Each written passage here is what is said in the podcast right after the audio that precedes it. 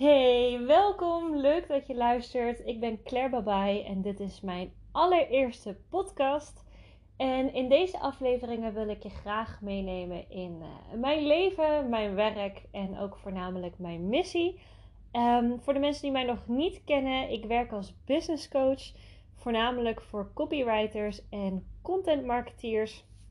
En die help ik met het uh, opstarten, groeien en vervolgens opschalen van hun bedrijf. Um, wat mij heel erg opvalt, en dat is ook de, de, reden dat ik eigenlijk deze podcast wilde maken, is dat ik super vaak dezelfde vraag krijg. En dat is echt geen strategische vraag, maar dat is een hele persoonlijke vraag. En dat is, uh, joh Claire, je bent nu uh, 26. Ik moet daar altijd eventjes aan wennen, want ik ben echt net 26 geworden. En uh, je bent nu al werkzaam als coach. Hoe is dat gegaan en wat is jouw verhaal? Dus de meeste van deze podcast, podcast afleveringen wil ik straks eigenlijk uh, jou tips geven en zorgen dat je zelf al met wat dingetjes aan de slag kan in je eigen online onderneming. Maar ik wil graag de eerste eigenlijk wijden aan, aan mijn eigen verhaal, um, zodat je mij ook meteen een beetje beter leert kennen. En dat is best wel een lang verhaal, dus ik zal proberen om het niet een paar uur te maken, zeg maar, maar om het een soort van beknopt te houden. En ik heb daarom een paar, uh, paar aantekeningen gemaakt, een paar punten die ik sowieso eventjes met je door wil spreken. En dat zijn eigenlijk voor mij de pijlers waarom ik op dit moment doe wat ik doe. En de belangrijkste daarin is denk ik het gezin waarin ik ben opgegroeid. Um, ik, ik ga er gewoon helemaal blanco in. Ik ga ervan uit dat je mij vanuit Instagram kent of mijn website hebt gezien en verder eigenlijk niet. Um, dus ik vertel dat je gewoon vanaf het begin. Uh, ik heb natuurlijk best wel een gekke achternaam, Babai, zoals de meeste mensen uh, hebben gezien. Uh, dat komt omdat ik een Tunesische vader heb. hij is opgegroeid en ja, geboren en opgegroeid in een dorpje dat heet Nabil. Dat zit bij de kust in Tunesië en dat is echt een super arm dorpje. En mijn moeder die is gewoon Nederlands. Ik ben ook geboren en getogen in Nederland. En ja, eigenlijk twee totaal compleet uh, andere gezinnen bij elkaar. Want mijn vader komt uit een islamitisch gezin en mijn moeder komt uit een protestants gezin. En daar zijn ik en mijn zus zeg maar uitgeboren. Mijn zus die is vier jaar ouder dan ik. Die heet Farah en uh, nou ja, ik dus. En de reden dat ik eigenlijk super graag wilde ondernemen en altijd al het idee had, want ik heb dat, die gedachte echt al nou, sinds dat ik een heel klein meisje ben. Ik denk echt al vanaf dat ik 6, 7 jaar oud was, dat ik dacht: oh, dit wil ik echt gaan doen later. Um, best wel bijzonder, want de meeste mensen komen er pas later achter. Was door mijn vader. Uh, hij is naar Nederland gekomen rond zijn twintigste. En toen bij het Apollo Museum Hotel gaan werken. Uh, volgens mij begonnen als jongen die de bedden verschoonde. En uiteindelijk zeg maar zich opgewerkt naar manager. Daar heeft hij ook mijn moeder ontmoet. En toen ik was geboren of werd geboren, toen was hij als tolk en vertaler Arabisch aan het werk. En hij was eigenlijk altijd weg. De hele dag was hij aan het werk en vaak uh, in het weekend ook. Maar de avonden en het diner deden we altijd samen. En hij vertelde daarin altijd de mooiste en de grappigste verhalen van hoe hij zijn onderneming aan het runnen was en de problemen en de mensen die op zijn pad kwamen. En ik was er altijd zo door gefascineerd en geïnspireerd dat ik altijd dacht: wauw, weet je, als ik later groot ben, dan wil ik dit ook. Um, kwam op een gegeven moment kwam daar best wel een shift in, want we hadden het als gezin hadden we het heel erg goed. Um, en met heel erg goed bedoel ik zeg maar op, op financieel uh, gebied, want dat verschilt natuurlijk. Maar ik bedoel op dit moment, we hadden het gewoon financieel hadden we het op dat moment heel erg goed. En uiteindelijk toen was de toestroom van Arabische uh, immigranten uh, minder uh, door de politieke kwesties in Nederland, waardoor er eigenlijk minder werk voor mijn vader was. Nou, mijn zus en ik waren op dat moment wat ouder. Ik was negen en toen besloot mijn vader weer terug te gaan in de hotelbranche. En toen zijn we weer naar Limburg verhuisd. Dus ik heb ook 2,5, 3 jaar in het zuiden van Limburg gewoond. In een heel klein dorpje vlakbij Maastricht in de buurt. En um, eigenlijk zijn we daar overnieuw begonnen en runde mijn vader een uh, hotel. Ik was best wel zelfstandig op dat moment. Ik was altijd bij de paarden te vinden. We hadden een stoeterij naast dat hotel. En ik uh, was helemaal in mijn, uh, in mijn hum daar. Ik vond het geweldig. en mijn ouders die waren eigenlijk allebei van s ochtends vroeg tot s avonds laat aan het werk. Farah en ik hadden allebei een eigen hotelkamer. Dus we zagen onze ouders ook voor het avondeten. Nou ja, dat deden we altijd in het restaurant. Dus het was best wel een, uh, een gekke situatie voor buitenstaanders. Maar ik had het heel erg naar mijn zin. Tot en met zo'n twee, drie jaar daarna. En er zijn best wel wat persoonlijke dingen gebeurd. Waarvan ik ook weet dat de mensen die daarbij betrokken zijn. Uh, liever niet hebben dat ik erover vertel. Dus ik ga totaal niet in details, maar eventjes op de oppervlakte omdat het niet alleen mijn verhaal is. Maar, uh, en dit vind ik ook best wel lastig om te vertellen, want ik denk dat ik het echt maar aan twee of drie uh, vriendinnetjes ooit heb verteld. Is dat uh, dat hotel was niet van, de, van goede mensen. En nou ja, daar zaten ja, criminelen achter en wij werden daar opgelicht. En dat betekent dat wij uh, weg moesten uit dat hotel. Een tijdje, zeg maar, ook uh, in een heel klein huisje gewoond. Terug verhuisd naar Apeldoorn. En door de situatie daar, waar ik dus niet te veel over kwijt kan, verloren wij eigenlijk al het geld wat we uh, ooit hadden opgebouwd. Waarvan ik dus al eerder aangaf dat we het best wel goed hadden. En toen kwamen we in de schuldsanering terecht als gezin. En dat was voornamelijk voor mijn ouders, maar natuurlijk ook omdat je als kind je heel erg aantrekt uh, wat de situatie met je ouders doet.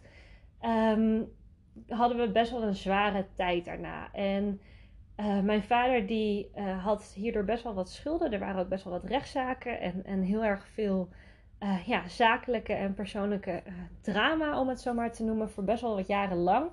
En door deze situatie begon mijn vader eigenlijk nog meer te werken. Dus hij ging terug als tolk en vertaler. Excuses. En uh, hij besloot eigenlijk, of nou ja, besloot, hij moest meer werken om het verloren geld eigenlijk uh, af te betalen. Uh, en daardoor zagen we hem bijna nooit meer. En nou ja, hij was super gestrest. Mijn moeder was natuurlijk heel erg gestrest. Voor Farah en mij was het heel erg lastig. Ik ben ondertussen, nu ik 26 ben, ik denk ik heb pas geteld, zo'n 13 of 14 keer al verhuisd. Ja, dit was zeg maar voor mij basisschool nummer 4 waar ik terecht kwam. Best wel veel gepest ook, omdat ik iedere keer met nieuwe vriendinnetjes aan de slag moest. En het was zeg maar best wel een, een zware tijd, uh, financieel gezien. En ik zag hoeveel de stress deed met mijn vader en hoeveel het werk deed met mijn vader. En hij ging daar eigenlijk letterlijk uh, aan onderdoor. Want rond die tijd, ik denk 1, 2 jaar daarna, uh, werd er longkanker bij hem geconstateerd. En twee jaar later, toen ik uh, eh, 17 was, bijna 18, overleed hij. En de reden waarom ik nu doe wat ik doe, en dat is zeg maar best wel een persoonlijke, daar ben ik ook pas geleden pas achter gekomen, is omdat uh, op zijn sterfbed heeft hij tegen mij gezegd: ik hoop dat ik dit een beetje zonder emoties kan vertellen, want ik heb het nu al best wel vaak uh, geprobeerd op te nemen, maar het lukt me iedere keer niet. Maar zijn laatste zin tegen mij, of een van de laatste zinnen die hij zei toen ik alleen met hem was in het ziekenhuis, was: Weet je, Claire, ik heb gewoon mijn hele leven gespeeld voor, voor pakezel en alles is voor niets geweest. En je moeder en ik zouden uh, genieten van ons pensioen straks. Hij was 59 op dit moment. En hij maakte die zin niet af. Weet je wel, het laatste wat hij zei is: Nou, weet je, je moeder en ik zouden genieten van ons pensioen. En ik keek in zijn ogen en hij was aan het huilen. Nou, ik moet eerlijk zeggen, Arabische mannen zijn zo trots. Ik heb mijn vader echt in uh, eh, 17 jaar destijds echt nog nooit één traan zien laten. Altijd als hij boos of chagrijnig of verdrietig was, dan werd hij stil en liep hij weg. Um, en de boodschap eigenlijk daarin was van, joh, het spijt me gewoon dat ik er nooit voor jou en je zus ben geweest en voor je moeder, omdat ik gewoon altijd aan het werk was. En altijd aan het werk om er gewoon meer te zijn in de toekomst. Maar op dit moment bleek dus dat die toekomst nooit zou komen. En dat was uh, ja, voor mij heel confronterend. Um, zeker ook met de leeftijd die ik op dat moment had. En mijn laatste woorden aan hem waren ook van, joh, weet je, maak je geen zorgen. En uh, oh, ik vind het echt heel moeilijk om te zeggen. Maar mijn laatste woorden aan hem waren ook van, joh, weet je, maak je geen zorgen en uh, ik ga je trots maken, pap. Als in, uh, ik zorg ervoor dat, uh, ja, dat ik gewoon wel de persoon word waarvan je straks gewoon, als er zoiets is, hè, ik weet ook niet of ik erin geloof, maar waarvan, stel dat hij er nog iets van zou meekrijgen, dat hij denkt, oké, weet je, dit is hoe ik had gewild dat mijn dochter haar, haar leven zou leiden. Dus dat was eigenlijk voor mij een reden dat ik dacht: wow, weet je, ik wilde altijd super succesvol worden en veel geld hebben en dat soort dingen. Alleen vanwege eigenlijk onmacht, want uh, ja, mijn vader kon er oprecht niks aan doen dat hij al het geld is verloren wat we ooit hebben gehad. Heeft hij eigenlijk altijd gewerkt voor een bepaald financieel bedrag, wat later gewoon afgenomen werd. En waar we niks meer aan hadden. Terwijl de tijd die je eigenlijk besteedt met weet je, je, vrouw, je kinderen, mensen om wie je geeft, dat, dat was weggenomen daardoor. En dat is ook iets wat je, wat je nooit meer terug kan krijgen. En dat is een van de redenen ehm, waarom ik nu doe wat ik doe. Daar kom ik straks op terug. Uh, ik wil eerst eventjes zeg maar meegaan in, in wat ik daarna heb uh, gedaan. Want ik dacht op dat moment van oké, weet je, ik moet nu gewoon uh, er zijn. En ik pakte best wel erg die, die rol ook op van oké, weet je, mijn vader is nu overleden. En, en nu moet ik zorgen dat, dat ik het succes ga behalen in de familie. Geen idee waarom ik die verantwoordelijkheid voelde. Ik was ook echt super jong. Maar goed, drie weken na zijn overleden ben ik eigenlijk op, op kamers gegaan. En uh, ja, uit huis gegaan. Ik zat in mijn eindexamenjaar van VWO Plus op dat moment. Uh, hij overleed in december en in mei had ik examens. Nou, nog nooit in mijn leven gekookt of de was gedaan of weet ik veel wat. Ik werkte op dat moment als broodmeisje bij de C1000 voor echt 2,60 euro per uur of zo. En uh, daar ging ik. En werken en doen. En ik weet niet hoe ik het in hemelsnaam heb gered. Maar ik heb uh, in één keer mijn eindexamen VWO heb ik gehaald. Ik uh, heb gezorgd dat ik rond ben gekomen daarna. Um, weet je, wel, wel met behulp van mensen die mij destijds op een hele fijne manier heb, hebben gesteund. Waar ik ze ook echt super dankbaar voor ben nog steeds. Um, maar diegenen die weten denk ik wel wie dat zijn. Dat laat ik even buiten deze podcast om. Um, maar goed, weet je, ja, best wel een lastige tijd gehad. En een van de dingen die ik toen dacht is, oké, weet je, met dit geld kom ik nooit ergens. Dus ik moet iets anders doen. Nou, mijn zus die was uh, vroeger, had die korte modellenklusjes gedaan. En toen dacht ik, oké, nou weet je, dit is iets wat, wat ik ook wil gaan doen. Dus ik ben de modellenwereld ben ik in uh, beland. Ik dacht, nou ja, dat lijkt me leuk. Uh, makkelijk geld verdienen. En op een gegeven moment, toen had ik een modeshow gelopen van meerdere dagen door, door Nederland heen. En toen de betaling achteraf plaats moest vinden, toen zeiden ze tegen mij: Ja, we kunnen je niet uitbetalen, want je kan ons geen factuur sturen. Heel random. Ik had ook helemaal niet meegekregen dat dat, dat dat nodig was. En uh, ja, toen moest ik dus eigenlijk naar de Kamer van Koophandel. Dus uh, uh, 2014 ben ik toen voor mezelf begonnen om deze reden. En toen dacht ik, joh, weet je, eigenlijk kan ik nog wel wat, uh, wat extra baantjes gebruiken. Want ik heb meteen een boekhouder ingeschakeld. En toen dacht ik, um, die zei toen tegen mij van ja, als je dan voor één bedrijf werkt via een, een KVK-nummer en dus factureert, dan is dat eigenlijk helemaal niet winstgevend. Je kan het beste twee of drie opdrachtgevers hebben. Nou, dus ik aan de slag en ik heb heel veel dingen gedaan. Eerst heb ik uh, modellenwerk gedaan. Daarna heb ik nog wat geacteerd voor een paar tv-spotjes. En uh, weet je wat, figurantenwerk en wat uh, rolletjes on the side, zeg maar. ik heb hostessenwerk gedaan. Ik heb bachelorette parties en vrij, weet je, feestjes en city tours en dergelijke gepresenteerd voor grote groepen mensen. Um, ik heb honden uitgelaten. Ik heb echt jarenlang een eigen hondenuitlaatbedrijf gehad in, uh, in het centrum van Amsterdam. Toen ik 19 was, volgens mij, ben ik naar Amsterdam toe verhuisd. En uh, toen was ik net afgestudeerd. En aan de UVA begonnen. En uh, echt, nou ja, altijd vanaf dat moment, zeg maar, onder mijn KVK-nummer allerlei verschillende baantjes gehad. En eigenlijk via een vriendinnetje die ook ondernemer was, ben ik uh, toen met copywriten aan de slag gegaan. En toen was ik volgens mij ook 19, 18 of net 19. Uh, eh, en toen ging ik eigenlijk voor een, een, agency werken die Google advertenties schreef. En dan kreeg ik volgens mij echt, nou, echt belachelijk uh, weinig betaald. Volgens mij was het echt een dollar per, per ad. En daar ging ook nog eens de helft belasting overheen. Maar goed, ik had geen idee. voor mij was het lekker bijverdienen. En toen ben ik eigenlijk met schrijven begonnen. Nou ja, uh, toen ben ik dus aan de UVA begonnen. Uh, bedrijfskunde deed ik. Vond ik heel wetenschappelijk en echt geen reet aan. Naar psychologie gekeken. Eigenlijk gestopt met die studie en HBO uh, gedaan. Wat voor mij best wel een trap op mijn ego was. Want ik had altijd het idee dat omdat ik VWO Plus had gedaan, dat ik dan ook minstens een master degree moest hebben. Ehm, maar commerciële economie aan het HBO vond ik een, eh, een stuk leuker dan, ja, dan het wetenschappelijke onderwijs. Want daarmee leerden we echt in de praktijk uh, voor businesses werken. En ik kon er heel erg makkelijk mijn eigen bedrijf naast draaien. Waar ik echt heel veel uren voor, voor werkte. En zo ging ik eigenlijk ja, een soort van mijn leven door. Daarna ben ik vol trots naar de Zuidas gegaan. In de tussentijd heb ik nog in Aruba gewoond, voor een vastgoedbedrijf gewerkt en ik heb mijn afstudeerscriptie bij de Nederlandse Bank gedraaid. En daar ook uh, best wel wat maanden zeg maar rondleidingen gegeven en een beetje de financiële kant op gegaan.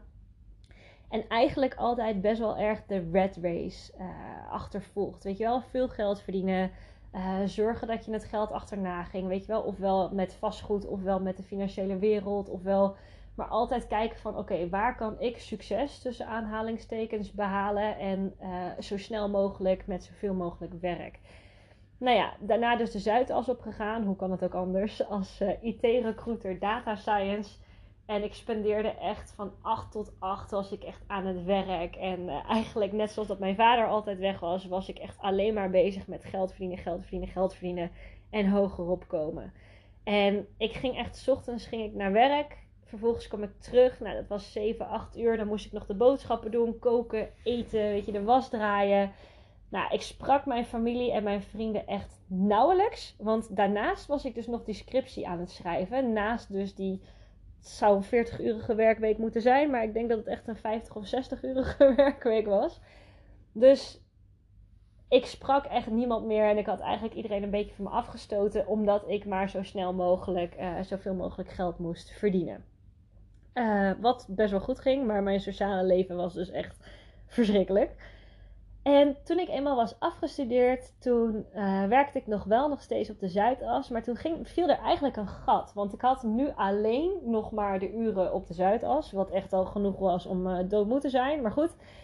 En toen dacht ik, ja, wat ga ik dan doen in het weekend? Weet je, wat, wat is vrije tijd überhaupt?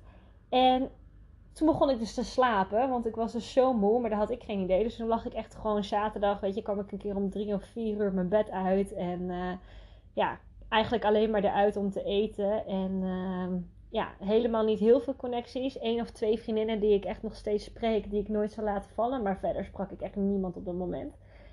En in februari 2019, dus dat is nu uh, bijna twee jaar geleden barstte eigenlijk de bom en kon ik het emotioneel niet meer aan. Zonder dat ik dat zelf uh, door had destijds.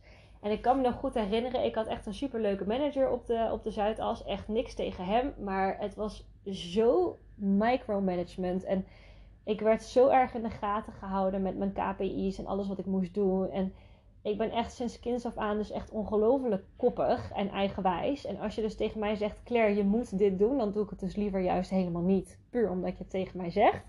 Uh, hele vervelende persoonlijkheid om mee samen te werken destijds. Maar het is eenmaal hoe het was. En um, ja, ik weet nog dat, uh, dat hij naar mij toe kwam. En we hadden altijd standaard pauze van, van half één tot half twee. En echt twee minuten voor half twee was ik water aan het halen of iets dergelijks. En toen kwam hij naar me toe en toen zei hij: Hey Claire, ik merk dat je altijd net in de laatste minuten nog eventjes naar het toilet gaat en nog water haalt. En weet je, dat is gewoon niet de bedoeling. Je moet gewoon uh, om half twee in de lijnen hangen. Nou, wat dus betekent, dan moet je dus mensen. Het was echt een soort van callcenter, zeg maar. Het was alleen maar koude telefonische acquisitie. Dus ik belde echt de hoogstaande bedrijven en managers op om te zorgen dat ik. Uh, um, nou ja, als recruiter, zeg maar, om te zorgen dat ik daar kandidaten kon plaatsen. En dan sloot je deals van 10, 20.000 euro. En uh, heel spannend, maar dat is dus ook hoe ik mijn saleservaring uh, heb opgedaan. En waar ik die skills heb geleerd. Dus ik heb er heel veel aan gehad. Maar hij zei dus van, joh, om, uh, om 13.30 uur moet je op je stoel zitten en in de lijnen hangen. En je bent altijd net één minuut later. Nou, en ik ik kon dat zo slecht hebben dat hij dat zei. Nogmaals, alle respect voor hem. ik hoop niet dat hij dit luistert. Maar toen dacht ik echt, ja, ik krijg echt de, de P, zeg maar, hierin. En toen zei ik, joh, uh, ik ben naar mijn plaats teruggegaan. En daarna heb ik gezegd, joh, ik wil even met je praten. En toen heb ik echt on the spot uh, ontslag genomen. En ik had het wel al langer in mijn hoofd van oké, ik wil hier nog een x aantal maanden werken. Want joh, dat staat goed op je cv hè. Als je ergens minder, minstens een jaar hebt gewerkt. Of uh, ja, als je uh, bepaalde ervaring hebt opgedaan. En ik had ook echt helemaal geen geld of een businessplan om, uh, om te starten. Ik had op dat moment echt 3000 euro op mijn spaarrekening met al mijn rekeningen in totaal. Nou, ik kon er echt 2,5 maand mee uitzingen, zeg maar. En dat was het. Um, helemaal geen ondersteuning. Ook uh, aan de hand van de situatie daarvoor kon ik dus niet bij mijn, uh, bij mijn moeder of mijn familie terecht. Want die konden mij ook niet ondersteunen. Dus ik had echt helemaal niks. En uh, puur uit ego heb ik gewoon toen echt mijn baan opgezegd. En gedacht, ja, ik wil echt gewoon geen dag langer hier nog, nog werken. Dus um, ja, op die manier zeg maar. En ik weet ook nog zijn blik. Hij dacht echt dat ik een grap maakte. Volgens mij heeft hij ook letterlijk gezegd... Hangen er hier ergens camera's in deze ruimte? Is dit, is dit een grap? Want ik deed het in principe best wel goed. Weet je, ik had net promotie gemaakt, sneller dan, dan uh, eigenlijk normaal was in die functie. En uh, ja, het ging gewoon best wel, best wel lekker, maar ik trok het gewoon emotioneel niet meer. Nou, dus ik daar gestopt, stiekem naar de marketingmanager gegaan en echt een, een bluffverhaal opgehangen dat ik, uh, dat ik heel erg goed was in copywriten. Was ik in principe ook wel, want ik wist dat ik goed kon schrijven. En ik had natuurlijk al voor die Google advertenties gewerkt, maar ik had echt nog nooit voor zo'n uh, bedrijf geblogd. En uh, die zeiden, ja, dat is goed, prima. Je kan wel voor ons, uh, voor ons gaan bloggen als je wil als ZZP'er. Wat is je uurtarief? Nou, ik had echt geen idee. Volgens mij heb ik echt 30 of 40 euro gezegd. Echt totaal gebluft. En dat was helemaal prima. Dus ik had meteen zeg maar mijn eerste baantje daar. En uh, zo ging ik eigenlijk als, uh, aan de slag als, uh, als ondernemer. Dus maart 2019 als fulltime als copywriter. En ja, iedereen verklaarde me voor gek. En daarnaast begon ik een webshop in waterflesjes voor honden. Ik had ook een hondje twee jaar lang. die is helaas een paar maanden geleden overleden. Um, maar uh, ik had een superleuk hondje en uh, ik wilde heel graag daar iets mee doen. Dus een webshop begonnen samen met een partner. En dat ging ook echt super goed. Nou ja, vanwege mijn opleiding commerciële economie helemaal in de online marketing en in het bloggen en in SEO, weet je, Search Engine Optimization en eigenlijk alles uh, geleerd. Ik zat ook echt destijds, toen ik net dus begon voor mezelf, van ochtends vroeg tot avonds laat alleen maar informatie op te nemen en zoveel mogelijk te leren. En binnen drie maanden kregen we met die webshop samen een, uh, een omzet van 20.000 euro. Alleen al door Facebook ads. Wat voor de rest van de wereld dus echt leek alsof ik echt gelukkig was. En het ging zo goed. En, en ik voelde me zo leeg van binnen. En, en ik was zo ongelukkig. En ik kon gewoon niet de vinger erop leggen waar dat nou aan lag. Maar wel dat ik gewoon weer al die uren aan het werk was. En begrijp me niet verkeerd, want ik vind werken echt fantastisch. Dat is ook hetgene wat ik, wat ik altijd doe. En natuurlijk ook hetgene waar je ook controle over hebt. Er is ook volgens mij wel zo'n quote. Ik weet niet precies wie dat heeft gezegd, maar weet je, je werk is het enige wat, wat in de ochtend niet kan zeggen van, uh, yo, ik uh, verlaat je, ik heb er geen zin meer in. Dus voor mij voelde dat heel erg als iets wat ik zelf in de hand had. En door de situatie van mijn ouders had ik ook heel erg het gevoel van: oké, dat overkomt mij nooit. Weet je wel, ik wil gewoon altijd grip hebben op mijn financiën en dergelijke. Um, maar ik, ik miste gewoon heel erg veel. Dus ik gestopt met die webshop, omdat uiteindelijk dat zoveel tijd en energie en contact met leveranciers en klanten en dergelijke uh, opslokte. Dat, dat dat de reden was dat ik daar gewoon niet gelukkig van werd. En helemaal fulltime met copywriting begonnen. Dus niet alleen voor dit bedrijf, maar ook nieuwe klanten. En ik had in mijn hoofd van: oké, ik heb een paar klanten waar ik sowieso voor wil gaan werken. Nou, een paar daarvan waren Uber, vond ik een heel erg interessant bedrijf. Hij was heel erg aan het groeien op dat moment. Tommy Hilfiger, Google uh, was ik natuurlijk al voor aan het werk. Weet je, Zalando, Under Armour. Ik heb echt wel voor grote namen gewerkt. En eigenlijk altijd als ik dacht van, oh, dit is een tof bedrijf, hier wil ik voor gaan werken, dan lukte dat ook. En voor mij was dat heel vanzelfsprekend. Um, als je natuurlijk ook een beetje de Arabische cultuur kent, dan weet je ook dat er best wel veel onderhandeld wordt en zo. Ik hou echt van sales, ik hou echt van onderhandelen. Dus uh, ik stop nooit totdat ik krijg wat ik wil. Als ik denk, oké, dit wil ik behalen, dan zet ik echt mijn tanden erin en dan... Uh, laat ik niet los totdat het van mij is. En dat is een eigenschap die me soms heel erg in de weg zit, maar op businessvlak echt ongelooflijk heeft geholpen. Ehm, zo heb ik echt op jonge leeftijd, zeg maar, nou ja, dus dat modellenwerk gedaan. Mijn ogen laten lezen terwijl ik echt nul geld had. Motorrijbewijs gehaald. Nu woon ik in Barcelona. Als ik iets wil, dan, dan zorg ik ook dat ik dat, uh, dat ik dat krijg. Maakt niet uit hoe weinig of hoeveel geld ik heb. Ik zorg er gewoon voor dat dat lukt. En ik merkte dat, dat die eigenschap voor mij echt heel erg frustrerend was voor, voor andere copywriters en voor andere online ondernemers. En dat zij zoveel moeite hadden met het krijgen van klanten die ook gewoon een beetje prima betaalden. Ehm, terwijl ik echt, weet je, de ene na de andere grote naam binnenhaalde en echt nou ja, voor 750 euro zeg maar een blog van een paar honderd woorden schreef. Terwijl iemand anders echt voor 3 cent per woord dat deed. En een paar spraken mij daar ook op aan van joh, is, lieg je hier nou over? Of hoe doe je dit? Wat, wat is dit? Hoe kan het zijn dat, jij, dat het jou zo moeiteloos afgaat? En uh, toen heb ik een paar ondernemers geholpen. Gewoon een paar tips gegeven, met ze gepraat. En ik vond het super interessant ook hoe zij in die ondernemerswereld um, zich gedroegen en, en wat daar het resultaat van was. En toen kwam ik er eigenlijk achter dat ik echt het driedubbele draaide qua omzet van, van de rest. Terwijl ik echt de helft minder aan uren werkte. En, en dat het voor andere mensen gewoon helemaal niet zo vanzelfsprekend was.